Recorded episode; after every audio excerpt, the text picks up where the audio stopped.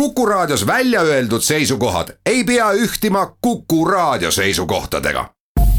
Te kuulate Kuku Raadiot.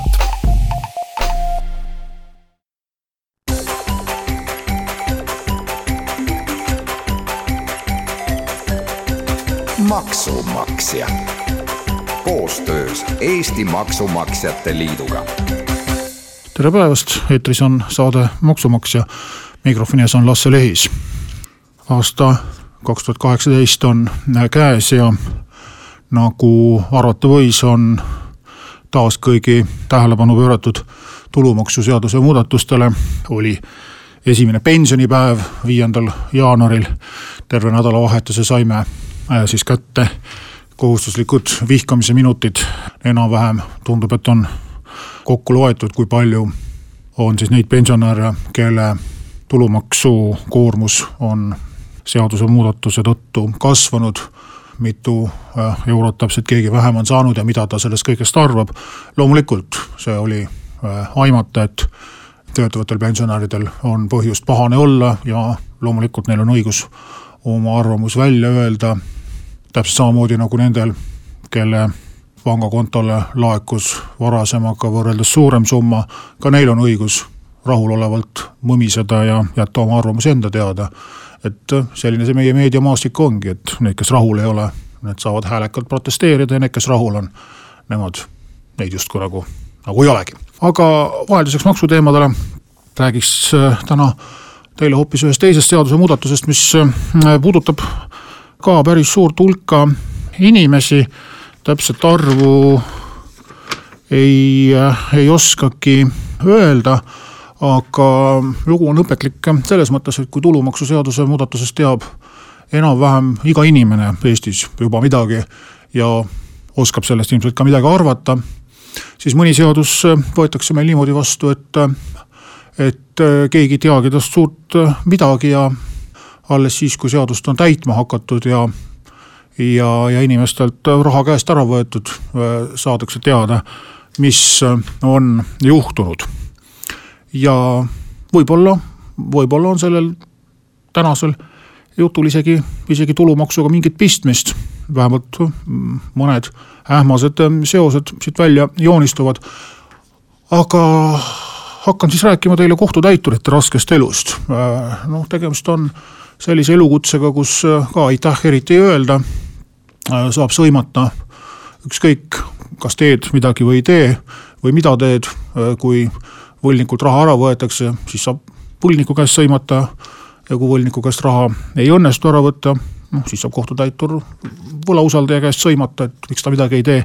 aga tahan rääkida sellest, et riigikogus menetleti päris mitu head aastat ühte seaduseelnõu numbriga kakssada kaheksakümmend. kahe tuhande kuueteistkümnenda aasta juunis anti ta menetlusse ja nüüd kolmeteistkümnendal detsembril kaks tuhat seitseteist võeti ta vastu, kolmekümnendal detsembril avaldati Riigi Teatajas ja üheksandal jaanuaril hakkab kehtima. ja kuna see seadus puudutab väga suures osas kohtutäiturite enda tegemisi ja toimetamisi, siis ei olegi võib-olla väga põhjust ette heita, et miks keegi sellest väljaspool kohtutäiturite enda maailma suurt midagi ei tea, sest sest tõsi, jah, suurem osa sellest seadusest räägib äh, küll toimikutest, äh, vahekohtust, äh, seal mingeid tasumäärasid suurendatakse, vähendatakse, muud sihukest pudi-padi, mis puudutab kohtutäiturite enda asjaajamist või, või nende ametikoja tegemisi, mis tavainimese jaoks mm, ei, ei olegi absoluutselt olulised, aga alguses see seadus reguleeris hoopis palju äh, laiemaid küsimusi, mis mm, siis pika menetlemise käigus sealt äh, välja jäeti, nimelt äh, tahtsid kohtutäiturid osaühingute kaudu tegutseda, tahtsid kohtutäiturid hakata lisaks kohtutäituri tööle inkassoteenuseid osutama. notarid tahtsid oma asukoha järgsetele büroodele nii-öelda filiaale avada teistes piirkondades. Need kõik jäeti eelnõust pika menetlemise peale välja ja tulid asemele hoopis, hoopis muud teemad. näiteks äh, üks huvitav äh, aspekt, näiteks äh, noh, mina siin maksuasjadega seoses olen harjunud sellega või pean lausa võib-olla enesestmõistetavaks, et Maksu- ja Tolliamet küsib pangakonto väljavõtteid kõigi kohta, keda ta kontrollida tahab, siis kohtutäituril siiamaani sellist võimalust ei olnud. Võlgnikud ise pidid oma pangakonto väljavõtteid kohtutäiturile saatma, et näiteks välja arvutada, kui palju üldse võib arestida, kui palju raha inimesele peab kätte jätma, nüüd, nüüd siis tekib kohtutäituril võimalus otse pangast need andmed kätte saada. Aga ka mitte sellest ei äh, taha ma rääkida, vaid hoopis äh, üks äh, muudatus, nimelt siis täitemenetluse mm, seadustiku paragrahv sada kolmkümmend kaks puudutab sellist küllaltki, inimeste jaoks küllaltki olulist teemat, et kui palju raha peab võlgnikule kätte jääma, kui kohtutäitur temalt võlgu sisse nõuab, ehk siis ametlikus keelepruugis sissetuleku osa, millele ei saa sissenõuet pöörata. ja väga lühidalt öeldes on siis siiamaani põhimõte olnud selline, et miinimumpalk peab inimesele kätte jääma. miinimumpalk oli eelmisel aastal nelisada seitsekümmend eurot, nüüd on viissada eurot, seesama maagiline viissada eurot, mis on nüüd ka tulumaksuvaba, peaks siis täitemenetluse seadustiku põhimõtte järgi olema ka puutumatu mis tahes võlgadest.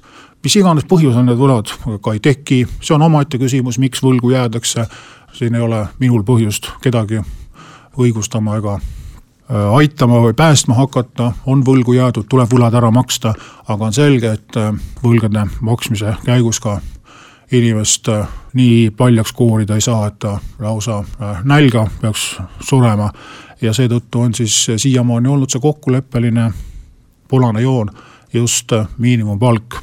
aga tänasest see enam nii ei ole. ja kuidas siis nüüd edaspidi on, kohe pärast väikest pausi.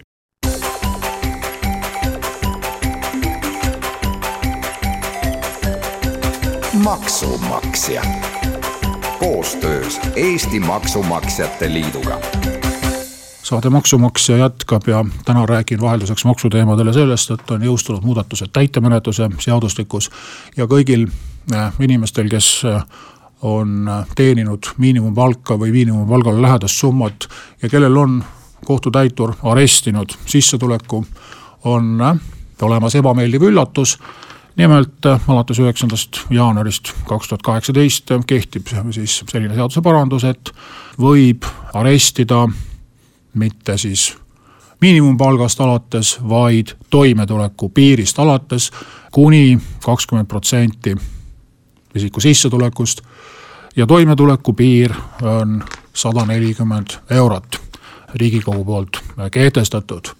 Ehk siis väga paljudel inimestel, kes väga pikka aega on äh, olnud siis olukorras, kus nad on miinimumpalka teeninud ja kohtutäitur ei ole neilt sentigi saanud raha kätte, äh, nüüd juba jaanuarikuus võivad avastada, et äh, näpistatakse nende palgast juba küllaltki korralik kopikas ära. ja miks mulle tundub, et siin on väiksed seosed tulumaksumuudatusega, sest protsent on hämmastavalt sarnane, kakskümmend, ja kui meil tulumaksuvaba miinimum tõusis saja kaheksakümnelt eurolt viiesajale ja teisest küljest siis äh, kohtutäiturile nii-öelda arestitav piir tuuakse neljasaja seitsmekümne euro pealt saja neljakümne euro peale, siis äh, peaaegu mitte küll päris sendi täpsusega, aga peaaegu saame sama tulemuse, et see raha, mis eelmisel aastal inimestelt võeti ära tulumaksuna, nüüd uuel aastal võetakse ära siis kohtutäiturile võlgnevuste katteks. milline geniaalne leiutis, võib selle peale öelda. mismoodi seda põhjendati, jah, riigikogu kodulehelt saab lugeda ka muudatusettepaneku põhjendust, kõigepealt olgu siis täpsustus, et elatise nõuete puhul tegelikult oli juba ka mõned aastad varem selline erand tehtud, et võib ka alla miinimumpalga teenivat inimest siis tema sissetulekut arestida. ja puudutab see siis sissetuleku arestimist, ehk siis väga palju on see ka just raamatupidajate palgaarvestajate töö, kellel on isegi rasked ajad seoses maksuvaba tulu muudatustega, siis nüüd saavad nad ka kõik kohtutäituritelt uued arestimisaktid. ehk siis kõigile tuleb hakata uutmoodi arvutama ka kohtutäituritele ülekantavaid summasid ja ilmselt tuleb päris palju siis selliseid töötajaid juurde, kelle puhul tuleb hakata iga kuu kohtutäiturile ülekandeid tegema, kus varem neid ei tulnud üldsegi, üldsegi teha. Ja ütleb siis seletuskiri, see muudatus loomulikult nagu ma ütlesin, ei ole seaduse algtekstis, vaid see lisati alles suhteliselt lõpupoole ja öeldakse siis seda, et likvideeritakse praegu massiliselt levivat väärnähtust, et alammäära sissetulekuga ning ilma muu, muud vara omavat võlgnikud ei osale aktiivselt täitemenetluses nõuete rahuldamisel. on tekkinud olukord, kus võlgnikud saavad töötasu palga alammääras, mis võimaldab neile koos lisanduvate toetustega rahuldaval tasemel toimetuleku ning kehtiva piirangu tõttu ei ole neilt võimalik rahalisi vahendeid kinni pidada. kohtutäiturite kogemus näitab, et elatisvõlgnikud teenivad ametlikult sageli pool töötasu alammäärast kuni, seitsmekümnel protsendil võlgnikul puudub üldse palgatulu pooltel puudub nii sissetulek kui arestitav vara ja muud sellist statistikat ja arvatakse siis, et arestivaba miinimumi vähendamine võimaldaks hinnanguliselt teostada täiendavaid kinnipidamisi kuni üheksakümmend neli eurot kuus. siis nendelt inimeselt, kellelt varasema seaduse järgi ei saanud üldse mitte midagi kätte. ja kellele see kasulik on, peaks ju rõõmu tundma kõik näiteks elatise ootajad või muud isikud, kes on siis võlausaldajana kohtutäituri kliendid nii-öelda äh, siis esimeses järjekorras on see mõeldud loomulikult meie oma armsa Eesti riigi peale, nimelt ütleb seletuskiri seda, et kui saaks kinni pidada kakskümmend protsenti töötasu alammäärast, võib eeldada, et kahe aastaga täidaksid Eesti kohtutäiturid riigi nõudeid kuue miljoni euro eest. lisaks äh, praegusele seisule kaasneks ka tuntav areng eranõuete sissenõudmisel ja lõpuks siis öeldakse, et äh, õnnestub palju rohkem äh, väärteotrahve sisse nõuda ning kohtud ei pea enam nii palju määrama äh, asenduskaristusi ehk siis areste selle eest, et näiteks kiirusuletamise või muud sarnased trahvid on maksmata. nii et saime siis teada, et riik annab, riik võtab ja esimeses järjekorras siis omaenda trahvid üritab niimoodi kätte saada. aga kui tulla nüüd praktilise rakenduse juurde, siis äh, mul oli äh, võimalus viimastel päevadel ise paari, paari kohtutäituri kirjaga tegeleda ja pean tunnistama, et äh, tundub esmapilgul selline väga lihtne ja selge arusaadav seadusemuudatus olevat. aga pean tunnistama, et iga kord, kui ma seda paragrahvi loen, äh, neid kohtutäituri kirju loen, mis minuni on saadetud ja seda seletuskirja loen, siis iga kord läheb see asi minu jaoks aina segasemaks. et äh, kas võetakse kakskümmend protsenti summalt, mis ületab sada nelikümmend eurot või võetakse kakskümmend protsenti kogu sissetulekust. edasi toimetuleku piir sada nelikümmend eurot kehtib ainult üksi elavale inimesele, kui aga äh, perekonnas on rohkem inimesi, siis seaduse järgi on iga järgmise täisealise liikme toimetuleku piir kaheksakümmend protsenti saja neljakümnest eurost ja iga lapse toimetuleku piir on sada kakskümmend protsenti saja neljakümnest eurost. samal ajal täitemenetluse seadustik ütleb, et kui võlgnikul on ülalpeetavaid, siis tuleb lisada mittearestitavale summale üks kolmandik äh, miinimumpalgast ehk sada kuuskümmend kuus, kuuskümmend seitse eurot, ehk siis väga palju tegelikult äh, suhteliselt vastuolulisi äh, sätteid, mis kõik omavahel tuleb kokku kombineerida. Ja äh, võib-olla siis kõige selline probleemsem koht, nimelt see seadus jõustub üheksandal jaanuaril aga nobedamad kohtutäiturid jõudsid juba jaanuari esimestel päevadel äh, töökohtadesse uued arestimisaktid saata ja võis juhtuda selline asi, et äh, tragid raamatupidajad juba enne üheksandat jaanuarit välja makstavatelt palkadelt pidasid äh, kinni siis ja saad, kandsid kohtutäiturile üle siis vastavalt äh, uutele reeglitele, mis tegelikult veel ei kehtinud. ja sellega võib tekkida väga ebameeldiv olukord, nimelt kui nüüd töötaja avastab, et on ebaseaduslikult palgast tehtud kinnipidamisi, siis võib ta tööandja vastu äh, pöörduda töövaidluskomisjoni, küsida alusetult kinni peetud raha tagasi. tööandjal ei ole seda raha kuskilt võtta, sest tema on selle kohtutäiturile üle kandnud, kohtutäitur omakorda on selle raha juba edasi kandnud sissenõudjale. ja lõpuks tekibki küsimus, et kes selle siis nüüd, nüüd kinni maksab. no sellises olukorras peaks ju mõtlema, et aga kuskilt peaks ju saama lugeda mingeid juhiseid, et on meil justiitsministeerium, on meil kohtutäiturite ja pankrotihaldurite koda. käisin läbi need koduleheküljed, et sealt asjalikku õpetust saada. siis justiitsministeeriumi kodulehel vaatas vastu uudis selle kohta, et jagati parima vangivalvuri tiitleid ja pankrotihaldurite koja kohtutäiturite ja pankrotihaldurite koja kodulehel oli uudis sellest, kuidas kakskümmend viis aastat edukalt pankrotihaldurina töötanud inimestele tänukirju üle anti. Ja see koht, kus räägitakse palga arestimisest, kus on Exceli tabel, mis siis arestimisele kuuluvaid summasid välja arvutab, seal ei ole veel kippu ega kõppu sellest seadusemuudatusest.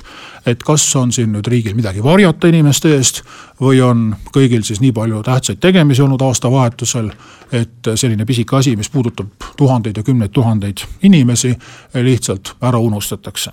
sest äh, ekstreemsemates olukordades võib see uus kord kaasa tuua selle, et kui inimesel ei olegi võib-olla motivatsiooni enam tööl käia ega tulu teenida, ehk siis äh, ma loen siit seletuskirjast küll seda, kuidas riik äh, kuus miljonit eurot trahve äh, kätte saab, aga ei ole keegi arvutanud seda, et aga mis siis saab, kui pooled inimesed näiteks töölt ära tulevad ja Töötukassasse ennast arvele võtavad.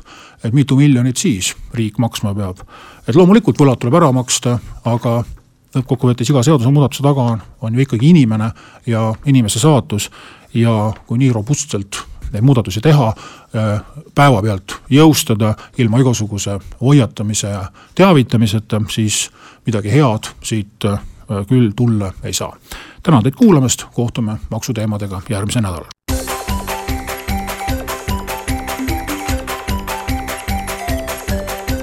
maksumaksja koostöös Eesti Maksumaksjate Liiduga